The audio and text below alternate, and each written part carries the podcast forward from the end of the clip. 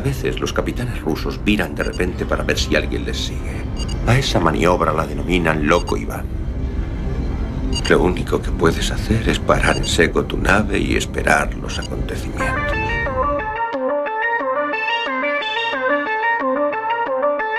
Yamasphere 347 of Space Patrol calling unidentified ship. Good night,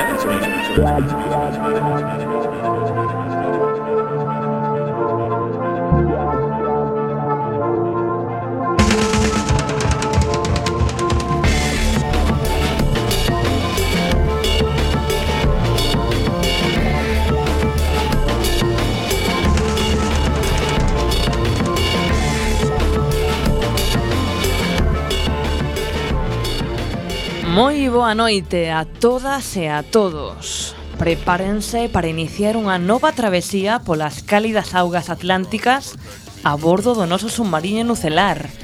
Oxe, máis cálidas que nunca, porque hai algo máis cálido que o abrazo dun ou dunha camarada nas xélidas noites do inverno soviético? Un vodka? Un caldo? Diz que o caldo é a raíz do corpo. É un caldo de corpo. Esta noite, camaradas, falaremos dos corpos, pero non dos estelares, en un do sabor, para algúns moi sabroso, dos nosos quentes corpos.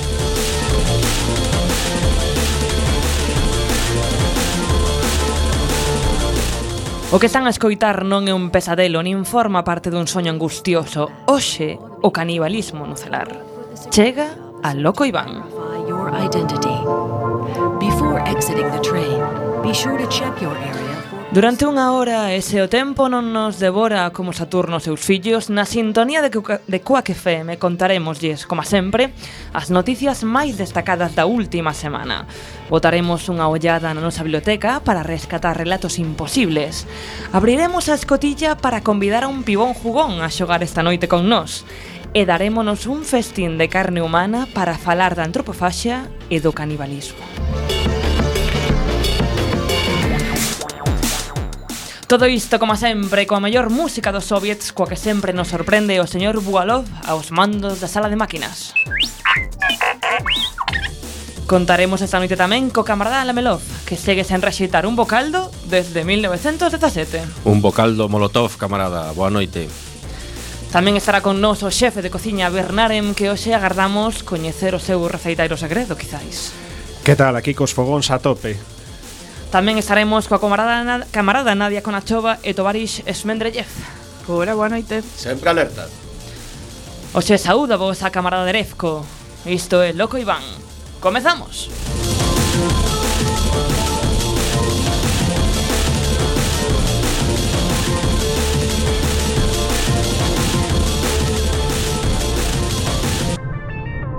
Game over.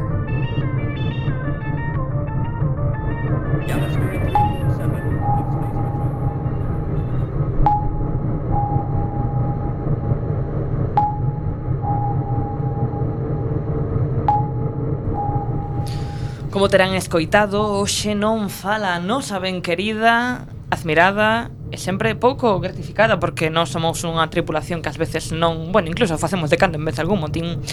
A capitana Esbletana e Barry. Sí, moi querida, moi querida. Sí, a máis querida de todas as capitanas sí, Ibaruri. eu nunca fixen un motín. Sí, todavía máis querida por min, ademais. Sen dúbida algunha. Xa queremos adiantar a nosa audiencia, vale, que inda que hoxe falemos de canibalismo, a súa ausencia non ve determinada polo menudo día do cociñeiro Birnarem. Teño entendido, non? Eh, non, eh, para nada. Eh, eu teño aquí preparado pois uns platos, eh, estou aquí pois preparando festa, eh, pero non ten nada que ver con que non este a nosa capitana, desde logo. Diz que hoxe a capitana Ibarrurin vai no porta aeronaves Leónidas Brezhnev a ver un concerto dos coros do exército ruso visto a nosa mm, nefasta interpretación do outro día. Bravo! Bravo pola nosa capitana. Moi ben, este, moi ben. E estarán acompañada polo camarada Tajanov no batiscafo Atracción Humana. Así que sen máis dilación, imos de seguido coas novas máis destacadas dos últimos sete días, aquelas que non sempre teñen cabida nos noticieiros con maior difusión, pero que si sí valoramos moito no noso acorazado. Arriba Periscopio. Periscopio.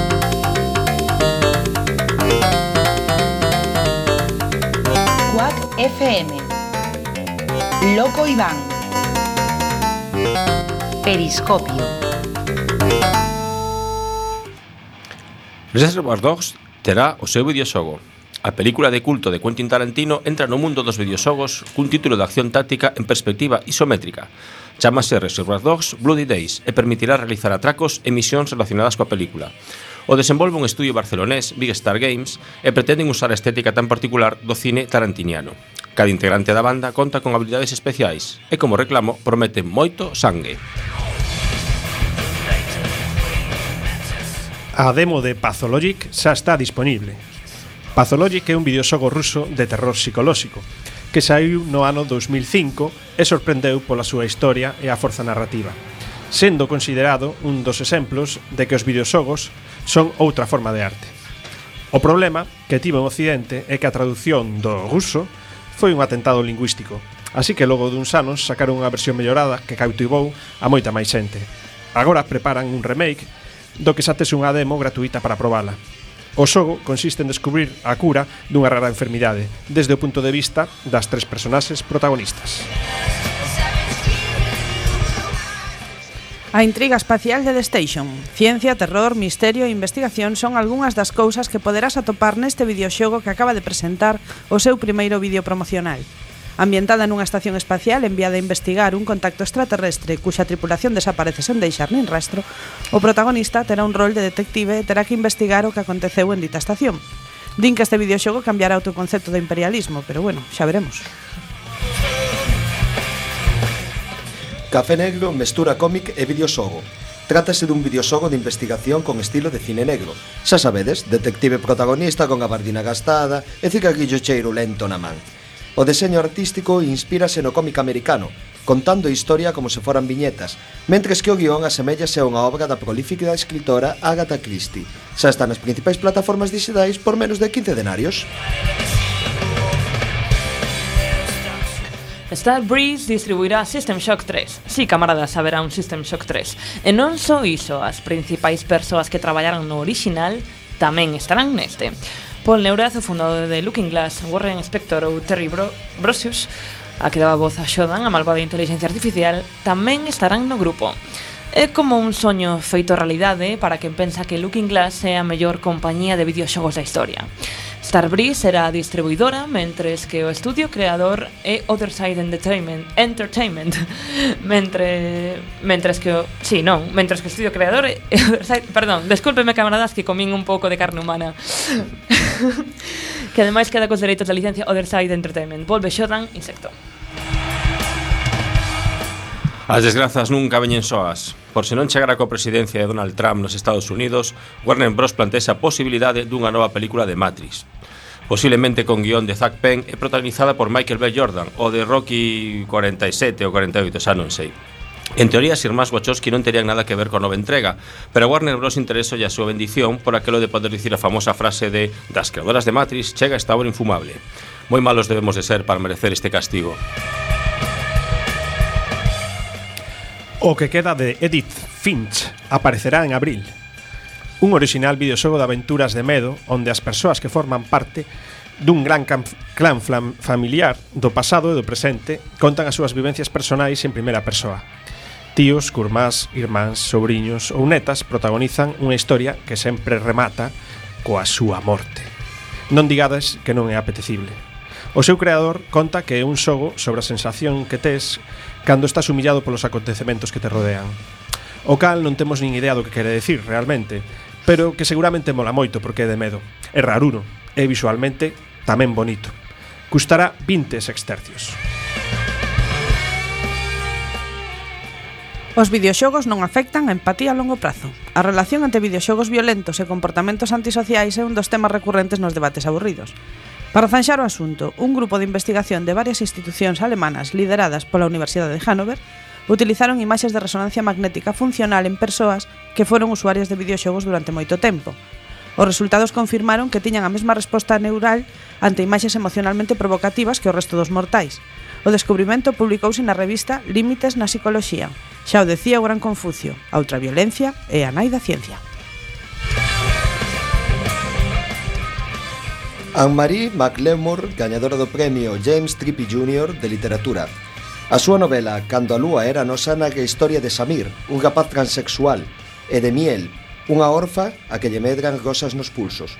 Un conto de fadas que explora a dor e a frustración que causa amar dun xeito diferente, que tenta que conectemos emocionalmente cos protagonistas.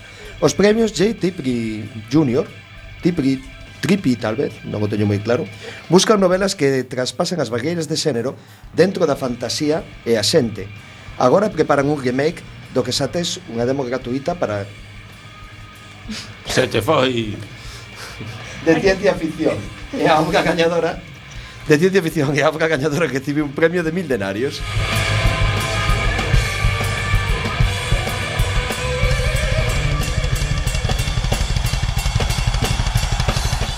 Tales of Running para PC e caixas de xoguete. Trátase dun videoxogo de rol ambientado no Xapón dos samurais, esa élite militar que gobernou o país durante séculos e que tiña sometidas as persoas a un réxime de explotación e semi-escravitude. Non nos molan os samurais, na URSS estaría no mesmo lugar que a familia Romanov, pero Este videoxogo ten boa pinta. Con debuxos feitos a man e de gran calidade, centrará a historia nas relacións humanas destes parásitos criminais. Andrana Project combina videoxogos e xogos de tabuleiro. Muco Games prepara unha nova experiencia que mestura a esencia dos xogos de mesa cos videoxogos, facendo que o poidas xogar no móvil, pero cara a cara co resto de camaradas de partida. Chamanlle xogo social fixital, é dicir, que ten parte digital e parte presencial. Soa marcenada que flipas, a verdade, pero as marcianadas a veces molan. Macabillian ou Dungeon Keeper chama a The Sims e Game World Trátase dun videoxogo de estrategia de xestión de non mortos civis que pilla elementos dos coñecidísimos Dungeon Keeper, The Sims e o recente gañador da Indie BD Game World. A idea é sinxela, construe unha mansión, atrae os incautos locais ao teu interior, erixe un favorito, decora a mansión para que estean contentos e, en último caso, matas según as regras. Debes matar aos detidos que non sexan voluntarios. Só podes matalos cando estean sós, a menos que estean a practicar sexo. Debes asasinar a última de última a virse. Só podes matar na noite e nunca, nunca, nunca poderás matar ao cabo. IBM prepara o primeiro ordenador cuántico universal. Estes novos ordenadores cuánticos prometen superar con creces aos clásicos supercomputadores. Mentre os bits aumentan linealmente a súa capacidade de xestionar a información, os qubits dos ordenadores cuánticos a elevan de xeito exponencial. Hai un pequeno inconvinte, ademais do prezo, por suposto. Os qubits son moi delicados e calquera alteración térmica ou electromagnética pode alterar o seu estado e provocar erros.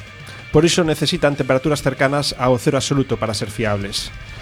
Xa estamos preparando a sala do reactor nucelar para o noso novo ordenador cuántico.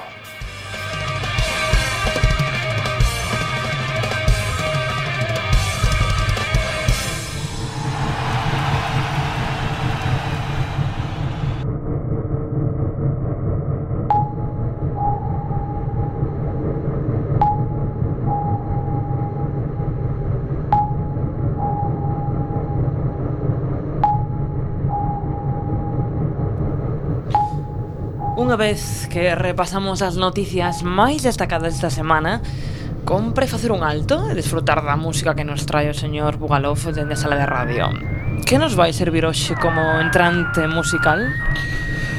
Pois nun programa de cociña caníbal seguro que esperabades algo de black metal noruegués, de, nor de Noruega do Norte mismamente, o, pero nesta, nesta ocasión trai un tema de, de polis. Xa sabedes aquelo de que do chiste chungo de Lepe que dicían que a policía de Lepe lle, levaba um, chapas dos chunguitos porque en Londres puñan polis. ¿no? Pois estes, os de polis.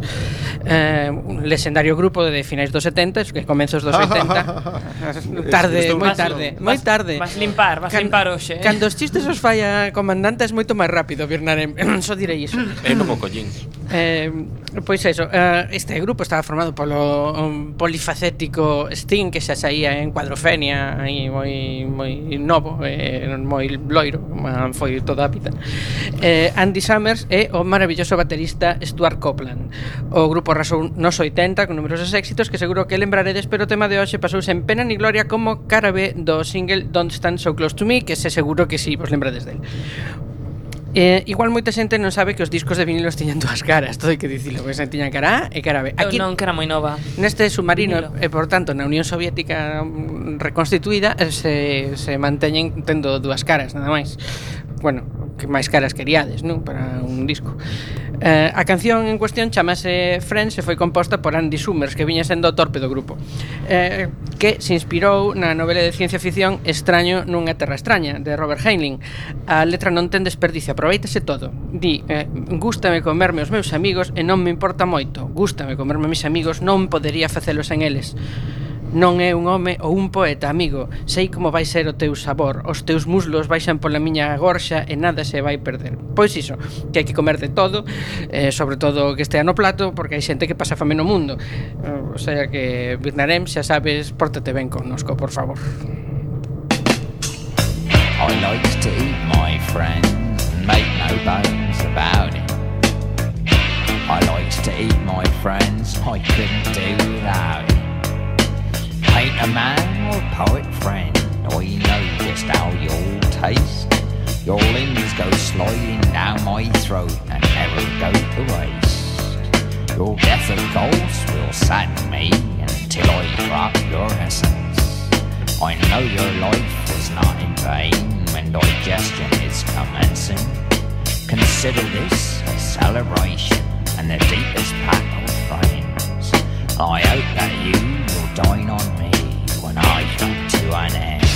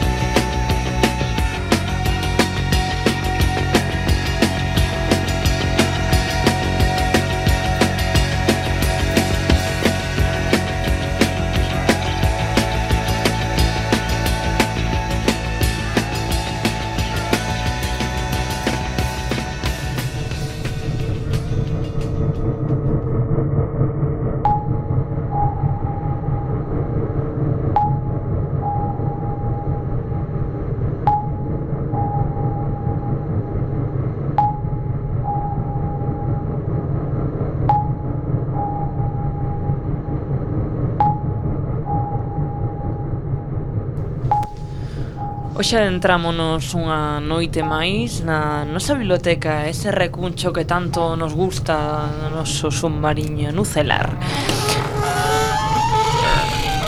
Temos que botarlle un pouco de aceite. Aí, Birnaren É o plutonio que lle botamos eh, cando vez. Eu lle boto aceite aos fornos, pero a porta non, non me corresponde a min. Bueno, é o camarada Stajanov, creo. Bueno, pois pues falaremos con Stajanov cando traia de volta a capitana do concerto dos colos soviéticos. Hoxe temos a George Martin, o escritor que converteu unha boa novela nun culebrón interminable para facer caixa e que agora non sabe como pechar. Tanto é así que na serie Xogo de Tronos pasan del totalmente e van por outro camiño. Pero non é da súa obra máis coñecida este fragmento que vos traemos hoxe, senón dun relato curto chamado Carne compartida, unha obra de ciencia ficción que conta como no futuro a Terra queda pequena para albergar a humanidade a cal ten que extenderse por toda a galaxia. Anos despois, a humanidade vese envolta nunha serie de guerras que diezman a población. Cando rematan estas guerras, fanse partidas para ver en que estado quedaron as colonias nos distintos planetas, ata que chegan a un no que teñen a peculiar costume de papar carne humana.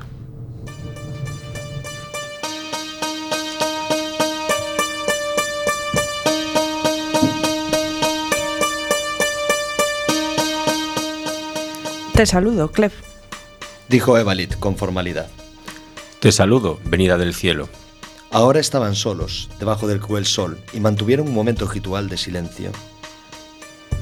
Es terrible lo que ha sucedido. Tal vez tú no lo hayas notado, pero llevo una túnica blanca y mis pies descalzos en señal de duelo, como haría si hubiera muerto alguien de mi propia sangre. Eso está bien, no lo olvidaremos. ¿Te das cuenta que no hemos tenido nada que ver con este crimen, verdad? Esos salvajes son también nuestros enemigos y tenemos que luchar contra ellos como si fueran una plaga. Nuestros antepasados capturaron a algunos y los guardamos como esclavos, pero no sirven para nada más. Advertí a tus compañeros que tuvieran cuidado con ellos. Eso trataron de hacer, pero ahora mi deseo es vengar a mi hombre. No sabía si el loconés tenía una palabra para designar la justicia. No importaba. Gracias a las drogas que aumentaban las facultades de pensar lógicamente, hablaba loconés con bastante fluidez. Podemos mandar soldados para ayudarles a matar unos cuantos de ellos. No es necesario. Con esta arma puedo, yo sola, destruir a más hombres que todo un ejército de los tuyos. ¿Cómo puedo hacer para hallar a quien mató a mi hombre? Los salvajes saben la forma de huir a selvas donde no podremos hallarlos, venida del cielo. ¿Y podrán también ocultarse de otros salvajes? Ah, bien pensado. Estas tribus están siempre matándose entre ellos. Si podemos tomar contacto con una, tal vez sus cazadores puedan averiguar dónde se ha ocultado el asesino. Pero temo que se hayan ocultado hasta que vean que ustedes se han ido. Tal vez sea imposible encontrar a un solo hombre. Los salvajes se ocultan por necesidad. ¿Qué quieres decir? Bueno, piensa en un hombre que está cazando. No puede ir con compañeros, pues la presa puede sentir su olor y escaparse, así que a menudo está solo en la selva. Otro de otra tribu puede caer sobre él. Un hombre que se ha matado luego de acecharlo es tan útil como uno que se ha muerto en la batalla. Pero, ¿por qué esta incesante matanza? ¿Y en qué otra forma va a conseguir carne humana? ¿Pero no se alimentan de eso? No, indudablemente no, a menos que sea necesario, pero esta necesidad se presenta varias veces en la vida. Sus guerras son la forma más habitual de capturar hombres. El botín es importante también, pero no lo más importante. El que mata a un hombre se queda con su cuerpo y lo divide naturalmente entre sus familiares más cercanos. Sin embargo, no todos tienen suerte en la batalla. Por tal razón, los que no han podido matar a nadie en la guerra salen a cazar juntos, dos o tres hombres uniéndose para tratar de hallar a un miembro de otra tribu. Por eso quería decirte que los habitantes de las tierras bajas son muy hábiles para esconderse. Venida del cielo. Cuando supe de las malas noticias me puse en contacto con gente de tu compañía. Ellos me dijeron lo que habían visto desde lejos gracias a los milagrosos medios que poseen. De tal forma veo claro lo que ha sucedido. Este hombre... eh, ¿Cómo se llama? Ah, sí, Moru. Es un lisiado. No tenía otra esperanza de matar a un hombre como no fuera traición, acechándolo. Cuando vio la oportunidad, lo hizo. Gogar sonrió débilmente. Esto no hubiera sucedido en las tierras altas. No peleamos, salvo en caso de que nos ataquen, ni cazamos a nuestros semejantes como si fueran animales. Como la vuestra, la nuestra es una raza civilizada. Los labios de Gogar se abrieron, descubriendo sus blancos dientes. Pero venida del cielo, tu hombre fue muerto. Te propongo que te vengues no solamente de su asesino, sino también de toda su tribu. Nosotros la hallaremos y te lo comunicaremos. Eso les enseñará a todos los salvajes a no traicionar a sus superiores. Luego compartiremos la carne, mitad para tu gente y mitad para la nuestra. Evalit solo supo demostrar un asombro intelectual. Sin embargo, sentía como si se hubiese desbarrancado por un abismo. Se quedó mirando las sombras, luego la cara seria de su interlocutor, y después de un largo rato, musitó. Ustedes también comen carne humana. Eh, Sí, la de los esclavos. No más de lo indispensable. Uno de ellos alcanza para cuatro niños.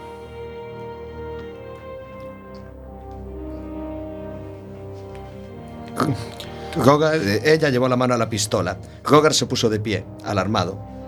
Venida del cielo. Ya te he dicho que somos civilizados y que no debes temer un ataque nuestro.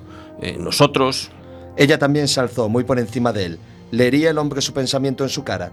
Era el terror que sentía miedo por su propia gente. El hombre se echó atrás, acobardado y sudando.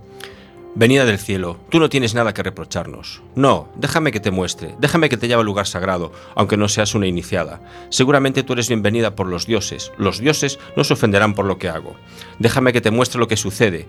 Quiero probarte que no hay razón ni necesidad para que seamos enemigos. Entonces las escenas se sucedieron. Las puertas que Rogar abrió para que Evalit pasara, las caras escandalizadas de los guardias y las promesas de sacrificios para aplacar a los poderes. El pavimento de piedra, caluroso y de hueca resonancia. Los ídolos que sonreían malignos alrededor del templo central. La casa de los acólitos que realizaban el trabajo y que se encogieron de miedo cuando vieron que el maestro traía consigo a una extranjera. Las barracas de los esclavos. ¿Ves, venida del cielo? Son bien tratados, ¿no es verdad? Es cierto que se nos hace necesario aplastarle las manos y los pies cuando son elegidos para este destino. Piensa lo peligroso que sería tener cientos de hombres y de jóvenes aquí. Pero los tratamos correctamente si se comportan bien. ¿No ves qué gordos están? Su propia comida sagrada es especialmente honorable, pues son cuerpos de hombres de todos los grados que han muerto en la plenitud de sus fuerzas. La mayoría están contentos con su suerte, venida del cielo. Pregúntaselo. Y luego recuerda que su mente es pobre, pues araguean año, año tras año. Los matamos rápida y humanitariamente, al principio de cada verano, nunca más de los necesarios para la cantidad de muchachos que entran en la pubertad, y a razón de un hombre cada cuatro muchachos, no más. Y el rito es muy hermoso, con días de festejos y alegrías. Comprendes, venida del cielo. No somos salvajes que guerreamos o caemos sobre otros para conseguir la carne que necesitamos. Somos civilizados, no igual que ustedes, que son como dioses, pero civilizados. No te enojes, no digo que seamos iguales, pero ciertamente somos merecedores de vuestra amistad. ¿No lo crees? ¿No lo crees, venida del cielo?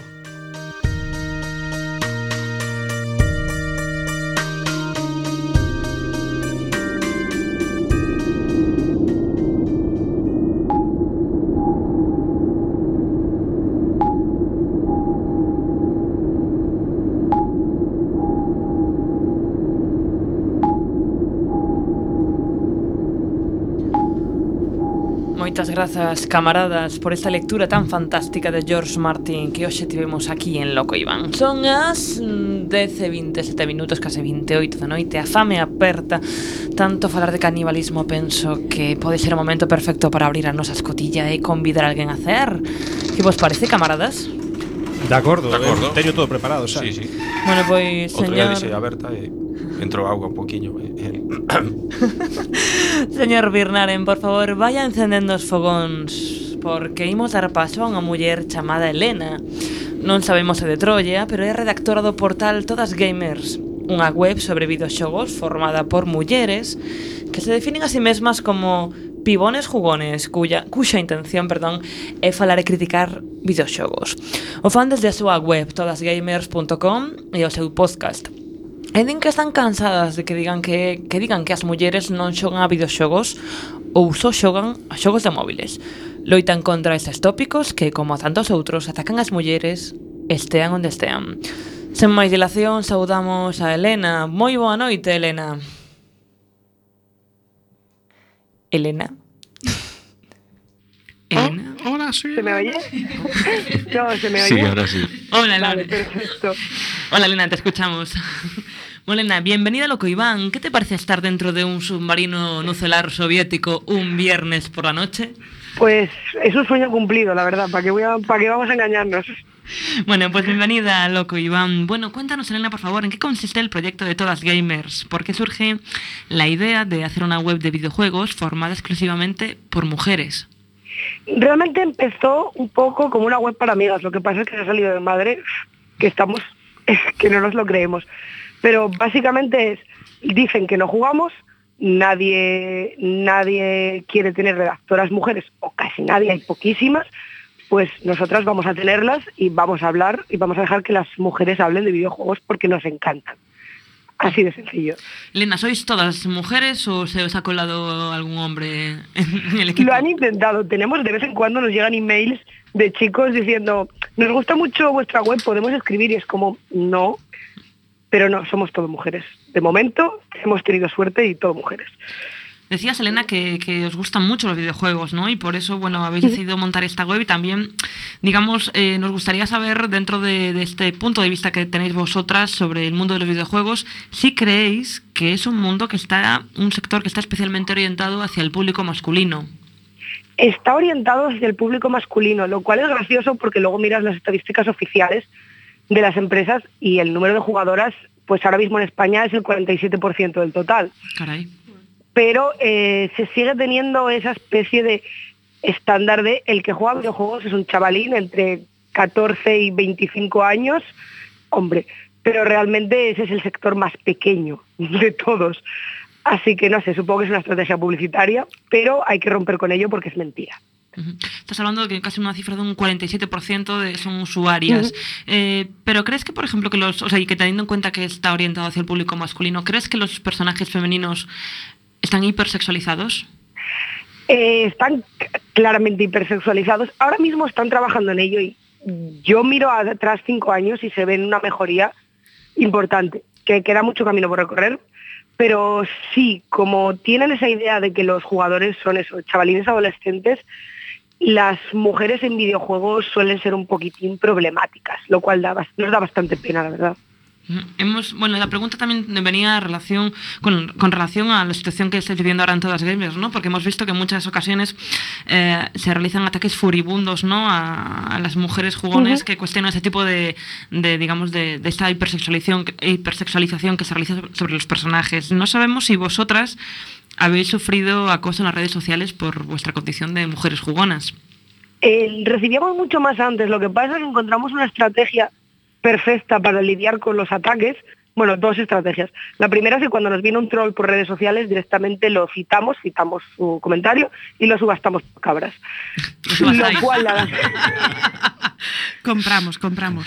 Entonces a la gente le hace mucha gracia, se suben al carro y se acaban marchando y ahora vienen muchos menos. Y la otra es que con los comentarios que recibimos en la web así un poco ofensivos, los típicos de eh, malditas feminazis o los que son larguísimos explicándonos por qué no entendemos los videojuegos, lo que hacemos es, tenemos una cosa que se llama Palabra de Gamer, en la que nuestros lectores se graban a sí mismos leyendo comentarios de esos muy serios. Completamente serios, algunos con hogueras detrás, una, un copazo de coñac. Entonces ridiculizamos el comentario, poniéndolo todo muy serio, a la gente le hace mucha gracia, y imagino que más de uno no quiere volver a salir de esa clase de vídeos, así que el número de ataques se ha reducido muchísimo. Bueno, pues es una buena noticia. Sobre eso queríamos preguntarte, ¿no? Aparte de, bueno, que ahora mismo estáis un poco más actualizad, actualidad en el sentido por, por la serie de ataques que recibís, también, bueno, en vuestra web sois conocidas por, por las numerosas reseñas eh, que tenéis entre, entre, bueno, que tenéis de videojuegos. Queríamos saber qué tal es esa acogida por parte del público masculino. Y sorprendentemente eh, miramos las estadísticas, sobre todo de gente que nos sigue en redes sociales, son más hombres que mujeres. Eh, la mayoría de los que nos dan feedback a menudo les gusta mucho lo que hacemos, porque al ser un medio un poco independiente, no hablamos solo de los últimos, los últimos estrenos, a veces tenemos por ahí reviews de juegos que han salido hace 20 años y cosas así, porque nos gustan, entonces hablamos de ellos.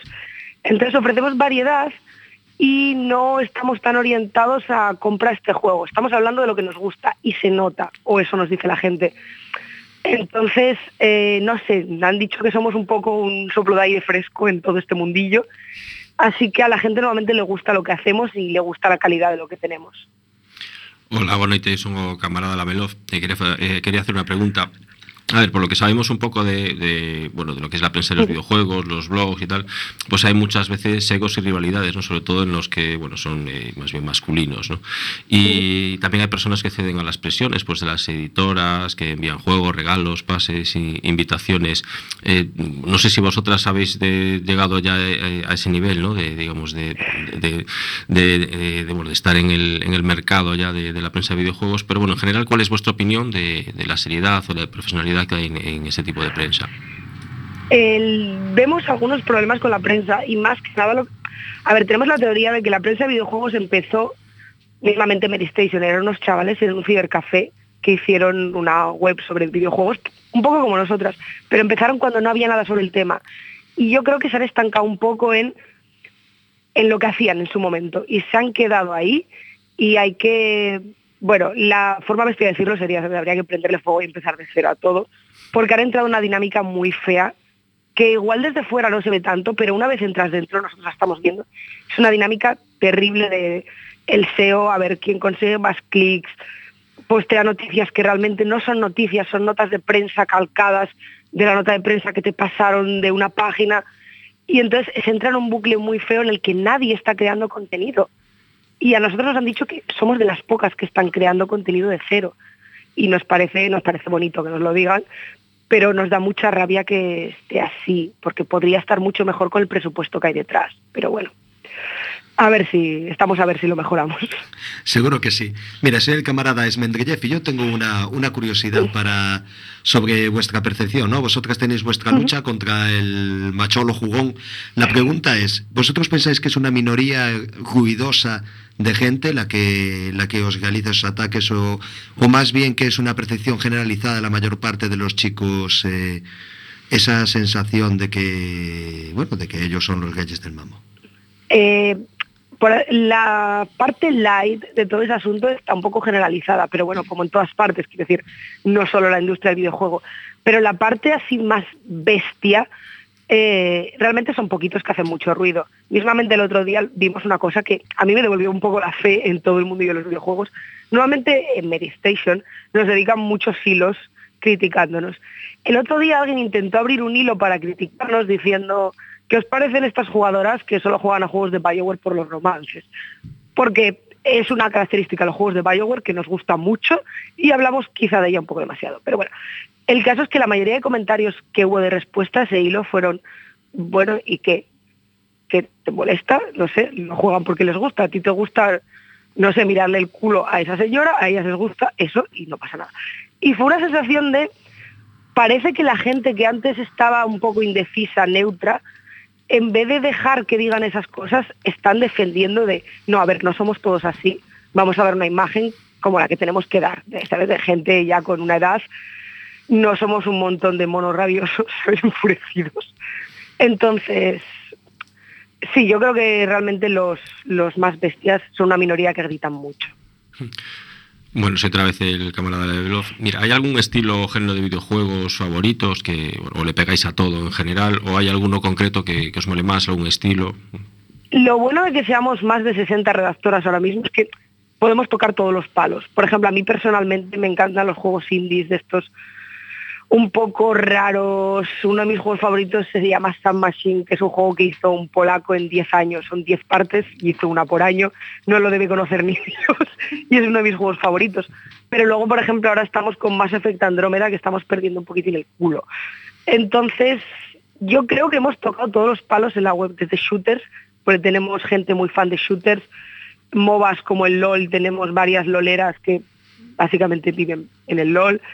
Eh, tenemos juegos de terror, juegos indies, juegos más actuales, RPGs, RPGs japoneses, o sea, yo creo que tocamos un poco todos los palos y es un poco la suerte de, al ser tantas, con gustos tan distintos, siempre vamos a tener un poco de, un poco de variedad, porque si eso, no obligamos a nadie a escribir, de, se escriben de lo que ellas quieren. Elena, soy 60, decías redactoras, pero yo tengo una pregunta para ti. La última pregunta de la entrevista y es que nos gustaría que, si puede ser, que nos recomendases algún juego especial, ya sea de hace unos años o sea actual, Bueno, pues porque te haya cautivado especialmente y porque creas sobre todo que, bueno, que merece la pena ser recordado para toda la audiencia de Loco Iván. Bueno, aprovechando que estamos aquí en un, en un submarino soviético, voy a recomendar un juego ruso. Eh, es uno de mis juegos favoritos y van a hacer un remake que saldrá en, no sé, en octubre, noviembre, no sé, a finales de año va a salir. Se llama Pathologic. Es un juego en el que tú estás en un pueblo de la estepa rusa en una fecha indeterminada, pero vamos a poner en los años 60, 70, no tiene mucha tecnología todavía, y tienes que evitar una plaga que se está comiendo la ciudad. Es un survival horror, pero al ser un survival horror de Europa del Este se nota muchísimo, no tiene nada que ver con ningún juego de ese estilo, y es probablemente uno de los juegos que a mí más me ha marcado, me parece precioso.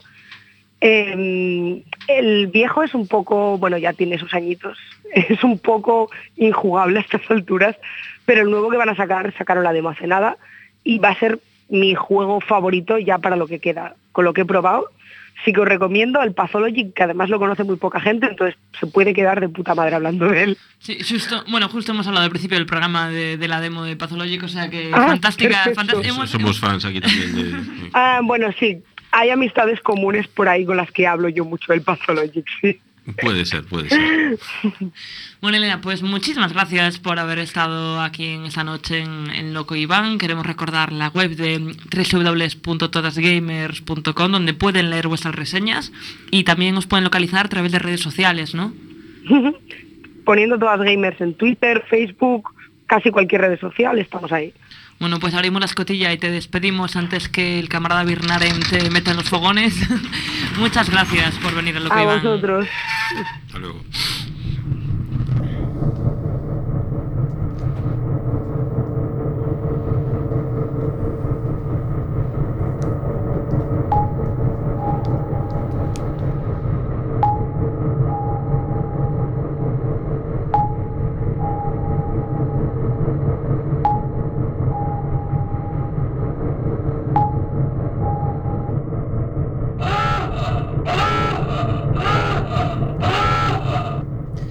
Chegou o momento da inmersión na que hoxe, como adiantamos ao comezo deste programa, falaremos de canibalismo.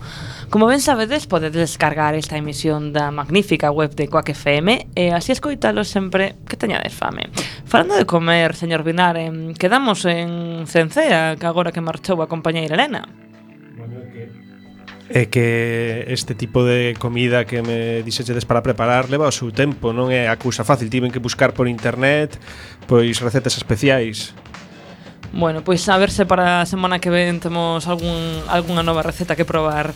Bueno, oímos falar de canibalismo ao principio deste programa comentábamos que navegábamos por augas quentes precisamente porque, bueno, atopamos estes días e logo o camarada Esmendrellev falará máis da mitoloxía e da literatura, pero atopamos algúns artigos nos que opinaban que o canibalismo vendo do termo do Caribe, dos habitantes do Caribe cando chegou ali ao Iba a dicir amigo, pero máis que amigo, casi enemigo, non sei moi ben como definilo. Colón, non sei eh, camarada Melov como eh, definiríamos. Destructor, conquistador, Aquí o colega, aquí o colega Colón chegou entón, bueno, como dicían que estes enemigos eh, digamos tiñen un carácter un pouco bastante hostil eh, bueno, que falaban que eran uns guerreiros moi feroces e que alimentaban uns doutros pois eh, chamaron a estes eh, de, vamos, do termo caribe quedou en caníbal e a partir daqui comezou esta historia que, bueno, non se sabe moi ben cal é a súa orixe ou como que tipos, bueno, máis que orixe mm, como podemos definir as distintas vertentes, non? De, de Caribe hai xente que, de Caribe, perdón, de canibalismo hai xente que di,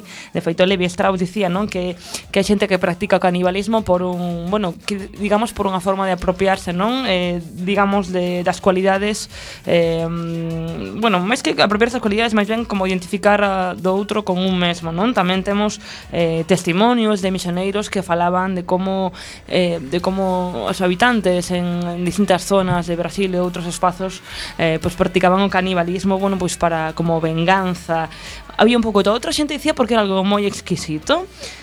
Non sei se os seres humanos somos mm, máis exquisitos que outras especies, o caso é que hoxe imos descubrir eh, como se tratou como se retratou o canibalismo que, por certo, recordemos que é un crime que está tipificado no Código Penal.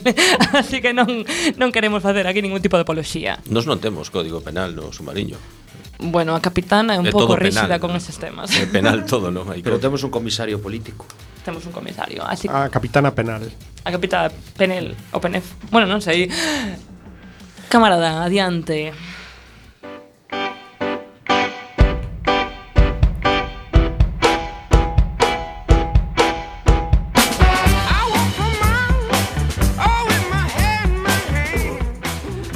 Pois isto que estamos escoitando efectivamente é dunha serie Series caníbales Sí, Avelas Ainas, como as meigas. E a meiga neste caso chamase Santa Clarita Diet, un nome pois moi interesante para unha comedia que na súa primeira tempada consta de 10 episodios. Conta a historia dunha familia dun suburbio de Los Ángeles eh, formada por un matrimonio e a súa filla adolescente. Un día, a nai sufre un, un importante cambio que lle levará a só poder subsistir comendo carne humana fresca. A serie mestura humor con canibalismo, morte, sangue e familia. Vamos, os ingredientes típicos para calquera éxito de televisión. Está protagonizada pola actriz Drew Barrymore, eh, de sobras coñecida, e Timothy Oliphant, que as máis seriadictas coñeceredes polo seu papel de sheriff en Deadwood ou outros papéis en Justify, The Office, etc. En palabras de Timothy, esta é a serie de borrollo deste ano, ilumina e é encantadora. Vale, sí, o noso actor favorito ou é un psicópata ou a serie é de humor, non? Eh, nada desto se toma en serio. Eh, acertache, desea a segunda opción pero con matices, porque claro, como vos podedes imaginar, nunha serie de canibalismo, a xente morre. Camarada Birnaren, creo que o la, Bugalov ten unha opinión sobre esta serie truño horrible a serie. Home, aquí a calidade a calidade da, das series está por é relativa. por ver, eh, é relativa. Eh, eu diría que está moi ben, eu non a vin, pero pero ten moi boa pinta. Bueno, pues, case imos, imos falar de outro tema, non, camarada? Sí, entramos en un tema peliagudo. Porque en este caso, bueno, non será a última vez que, que toquemos este tema. Porque agora vamos a falar da Deep Web. Sí, señoras e cabaleiros, a Deep Web. Ben, efectivamente, a tenebrosa, enigmática e peligrosa Deep Web. Sí, esa cagocha que se gocha dos nosos buscadores e da que o señor Google non ten ni idea que existe. A Deep Web. no! Bueno, eh, como este como este tema vai a levar aproximadamente media hora, eh, vou a intentar resumir para que quede un pouco máis curto. En este caso, pois eh, o que nos atopamos eh, pois é algo criminal, ¿no? como era de esperar en este tipo de, de lugares oscuros. É que falan de calibanismo na Deep Web. Atopamos receitas de cociña, de cociña, pois tipo arguiñano, no? De mezcle por aquí, pois eh, pois un pouco de porros, eh, un pouco de carne, pero en este caso son receitas para cociñar carne humana. Sí, cos seus tempos de cocción, xeitos de facer os cortes e todo ese tipo de cousas. Recetas que non probaremos neste submarino nucelar. Por suposto. Ou oh, sí.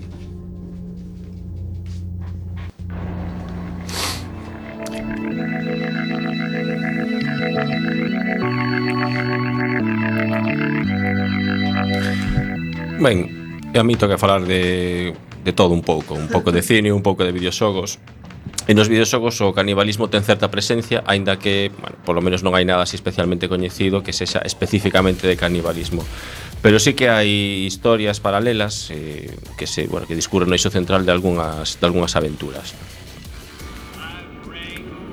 Let me ask you a question. What's the tastiest thing you've ever eaten? É o caso de, de Fallout, da saga Fallout en xeral, pero sobre todo os últimos, os Fallout 3, o Fallout New Vegas e o Fallout 4. O canibalismo é unha das melloras, chamadas perks, que podes escoller no, no xogo e que te permiten pois, comer carne humana para recuperar a vida que perde que perde a personaxe. Claro que eh, recuperas vida, pero perdes karma, porque a xente do teu entorno non lle mola moito, non sei se o cheiro ou bueno, pues, o mal rollo que produce comer carne carne humana. De feito, no modo supervivencia, non recuperas vida, o único que faz é quitar a fame. E, bueno, acaba converténdose unha especie de adición que tens que curar pois no médico ou no, no hospital. Sabes que o Fallout permite ir a, a médicos para curar as adicións. No Fallout New Vegas hai unha misión chamada Mais aló do Bistec, na que tes que, que entregar a un dos teus compañeros de viaxe para unha sociedade na que, bueno, pues, o queren cociñar. Ten un restaurante, e aparte todo un rollo así moi, unha relación moi cordial co, co chef que, bueno, pues, que se vai a cargar a tu compañeiro ou compañeira. Todo... É amigo meu ese chef. Sí, sí, eh, penso que coincidiches en alguna, en alguna ocasión, sí. Sí, con Gelo, cando navegábamos por augas do Caribe. Efectivamente. Ben, tamén, bueno, na propia ambientación posapocalíptica, en calquera videoxogo, especialmente no falo, pois pues, a de tanto a decoración como estética como na ambientación, pois sempre hai certos cadáveres por aí troceados preparados para actividades culinarias e proteicas. Eras joven cuando probaste por primera vez la carne humana, ¿verdad? ¿Un hermano o una hermana que murió? Un accidente, por supuesto. Luego empezó el hambre, la curiosidad. ¿Qué hay de malo en dar un solo mordisco? Está bien, has encontrado una amiga que te comprende. Puedes olvidar tu culpa. Ben, parece ser que os de Bethesda, tamén creadores de, das últimas versións de Fallout, pois teñen unha especie de obsesión co canibalismo, porque tamén en Skyrim hai unha aventura chamada O sabor da morte, que era isto que soaba, na que tes que investigar quen foi a muller que comeu carne humana e poderás elixir que facer coa culpable no caso de atopala. En o Biblio tamén hai unha habilidade que permite que comas carne humana para recuperar vida, pero perdes 4 puntos de humanidade. Non sei moi ben por qué. Next thing they'll be breeding us like cattle. For food. You gotta tell them.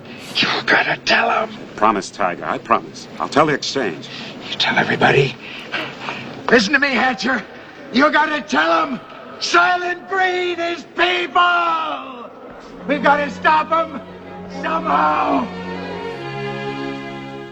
Ben, esta era a voz de Charlon Heston berrando Soylent Green e xente na película Soylent Green, perpetrada aquí como Cando o destino nos alcance, dirixida por Richard Fraser no ano 73 e que tamén falaba dunha distopía eh, no 2020, que falta pouco, por certo, onde a humanidade convértese nunha plaga pola superpoblación. En Nova York hai 40 millóns de persoas es unha pequena élite co, bueno, pues controla os alimentos, a fruta e, e a carne, mentras que o resto da, da plebe, como sempre, pois pues, te acceso a, a dúas variedades de alimentos, solengrin roso e solengrin amarelo, que son a única fonte de alimento para a xente do común.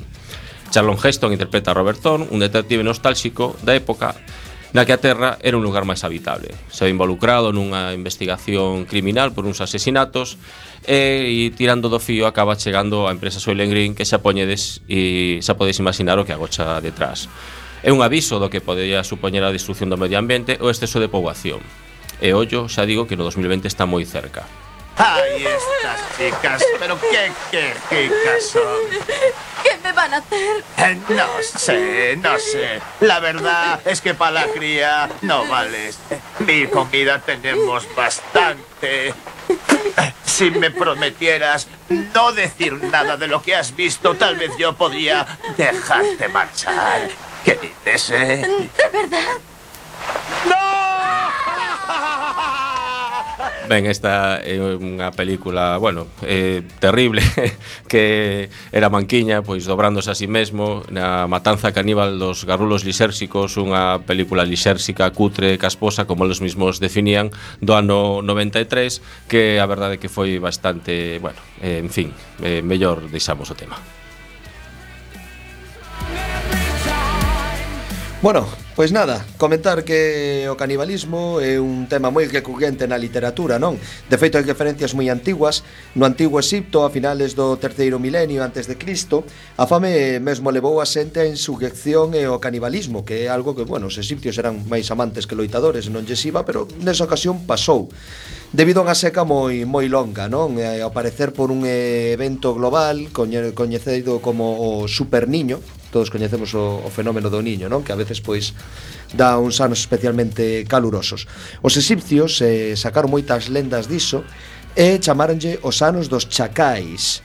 E este suceso levou ao fin o Imperio Antigo e o comenzo do, do primeiro período intermedio de Egipto. E dá para peli, non sei como aínda non fixeron ningunha, non?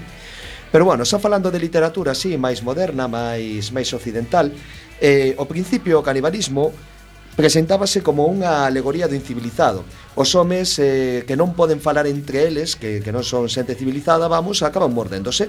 Aparece abundantemente en certos contos e lendas, como Hansel e Gretel, e hai unha lenda con moitas variedades moi espallada en Europa que é o dunha muller adúltera que devora, sen sabelo, o corazón do seu amante, asesinado polo marido celoso, e que ten outra vertente, a vertente contraria, no? a muller que, acusada injustamente de adulterio, dá a comer o seu home o corazón do seu propio, do seu propio fillo. En calquera caso, a literatura eh, normalmente derivou, sobre todo no século XIX, principios de XX, eh, con todo o colonialismo capitalista abusivo que houbo en moitas, en moitas sociedades, non? Eh, en presentar moitos povos como simples salvases, non? En Tarzán, de Edgar Gais Burroughs, ou en cinco semanas en Globo, de Verne, podemos ver vos exemplos da contraposición do home civilizado contrastado co, pois, co caníbal, non? Os caníbales son bárbaros salvases que devoranse en máis motivo que a súa degradada condición, E, non obstante, ose por ose, pois hai moito máis onde podemos escoller máis acorde cos estudios antropolóxicos e arqueolóxicos, non? E, nada, pois eh, moi rapidiño, imos eh, contar algúns casos, non? Por exemplo, en The Postman, unha novela de ciencia ficción bastante potable que deu lugar a unha película infame chamada El cartero del futuro, todos a coñeceredes unha, un truño insoportable, non? O xa vai de truños. Como a serie de Vinarense. Pois, eh, como en moitas outras, como, outras como en moitas outras, como en moitos outros eh, casos de novela posnucelar, hai xente que trata de devorar o, o, o protagonista convertelo en proteínas, non? De feito, aparece un momentiño eh, que chaman Corre, conejito, corre, o te desollaremos e serás nuestra cena E falen o, fan a comparación co gran porco. Máis cousas, The Growth, Pai e Fillo, Fusen dos Caníbales Cántico por Leibowitz, de Miller Unha novela maravillosa donde un dos protagonistas termina morrendo devorado por uns asasinos E a última recomendación, camaradas Mendrellev Grito de Cortejo, de Donald Kingsbury. É un libro basado na bioloxía que a min pareceme moi moi semellante a Dune, por todo como está montado o tinglado ecolóxico explicando por que unha nave espacial que queda perdida nunha colonia planetaria debe recurrir o canibalismo tanto seles como seus descendentes pola falta de proteínas adecuadas. Pois moitísimas grazas, camaradas, por unha edición máis deste deste programa do Loco Submarino, do Loco Submarino Iván. Seguiremos navegando polas augas, non sabemos se do Caribe, do outro mar do mundo. Grazas, lembren que poden escoitarnos en cuacfm.org. Ata a semana que ven.